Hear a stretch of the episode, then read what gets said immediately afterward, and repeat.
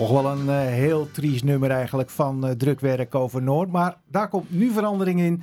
En wel door zangeres Noël van der Wiel. En ze is hier in de studio. Welkom Noël. Dankjewel. Jij hebt ook een nummer over Noord gemaakt hè? Ja, het is eigenlijk wel een uh, persoonlijk nummer. Maar het, het gaat deels over Noord omdat ik daar woon. Ja. persoonlijk, ik hoop niet zo negatief dan als drukwerk in de tijd. Nee, zeker niet. Nee, want wat, wat heb jij dan over Noord gemaakt? Uh, het gaat eigenlijk over de plek waar ik terecht kwam uh, na een beetje een uh, roerige periode in mijn leven. ik kwam uit een ander stadsdeel en uiteindelijk kwam ik na twee verhuizingen terecht in Noord. Ja, en dat beviel eigenlijk heel goed. Ik vond daar eindelijk weer de rust die ik ja, in de binnenstad niet echt ervaarde. Ja. Daar was natuurlijk altijd hectisch. Ja. En zijn er nog meer dingen die je aantrekken in Noord, behalve de rust hier? Um, ja, met rust bedoel ik, je zit natuurlijk niet midden in het uitgaansgebied en uh, de toeristen. Um, maar er leeft natuurlijk heel veel. Ja. Dus er is alsnog uh, genoeg leefbaarheid. Uh, het is heel multicultureel en er zijn veel buurtinitiatieven. Ik vind het prachtig dat ik de Adamtoren vanaf mijn huis kan zien. Die, die staat dus ook op mijn cover. En ik woon dus heel dicht bij het water. En dat voelt gewoon als vakantie. Iedere keer als ik daar loop. Maar nou is Noord ook ja, best wel een stadsdeel met problemen. Merk je daar ook wat van? Um, ja, zelf merk ik daar gelukkig niet heel veel van. Ja. Maar ik weet wel dat het er is. Er leven heel veel verschillende lagen van de bevolking door elkaar hier. Ja. Dat, uh, ja, ja, het, is, het is een voordeel, maar ook gelijk een nadeel af en toe misschien. Hè? Maar goed, even over je achtergrond. Uh, je hebt ook echt uh, zang gestudeerd, hè? Ja, ja, ik heb uh, toen ik jong was, vanaf mijn twaalfde tot mijn achttiende, zat ik op het Junior Jazz College. Dat is al heel vroeg, ja. Ja, ja dat is speciaal voor uh, jongeren eigenlijk. Um, naast een middelbare schooltijd. En dat was op het consortium van Amsterdam. Dus ik kwam al heel vroeg in aanraking met de stad, want ik kwam zelf uit de Zaanstreek.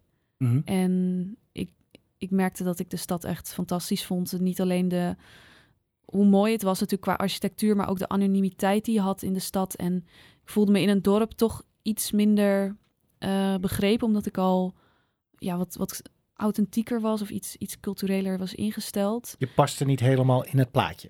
Ja, zo voelde het. Dus ik, ik vond dat wel terug in de stad. Dus ik, ik was er iedere week al vanaf mijn twaalfde.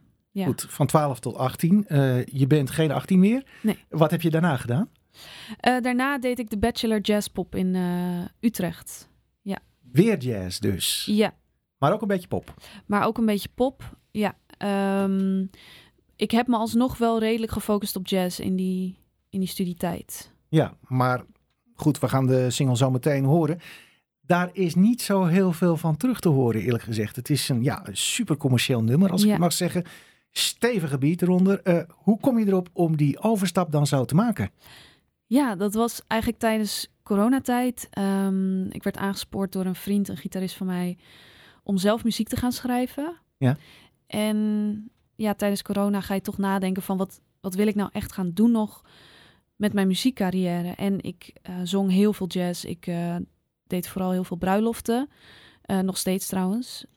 Maar ik voelde niet dat daar nog heel veel toekomst in zat toen hoorde ik een nummer van Chesto en toen dacht ik, dit is het.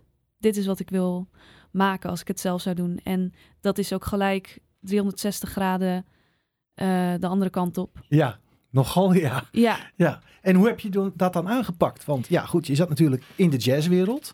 Uh, nou, daar lopen over het algemeen geen producers rond die, uh, die er eventjes een stevige beat uit weten te knallen. hoe kom je aan die mensen? Hoe zet je dit op?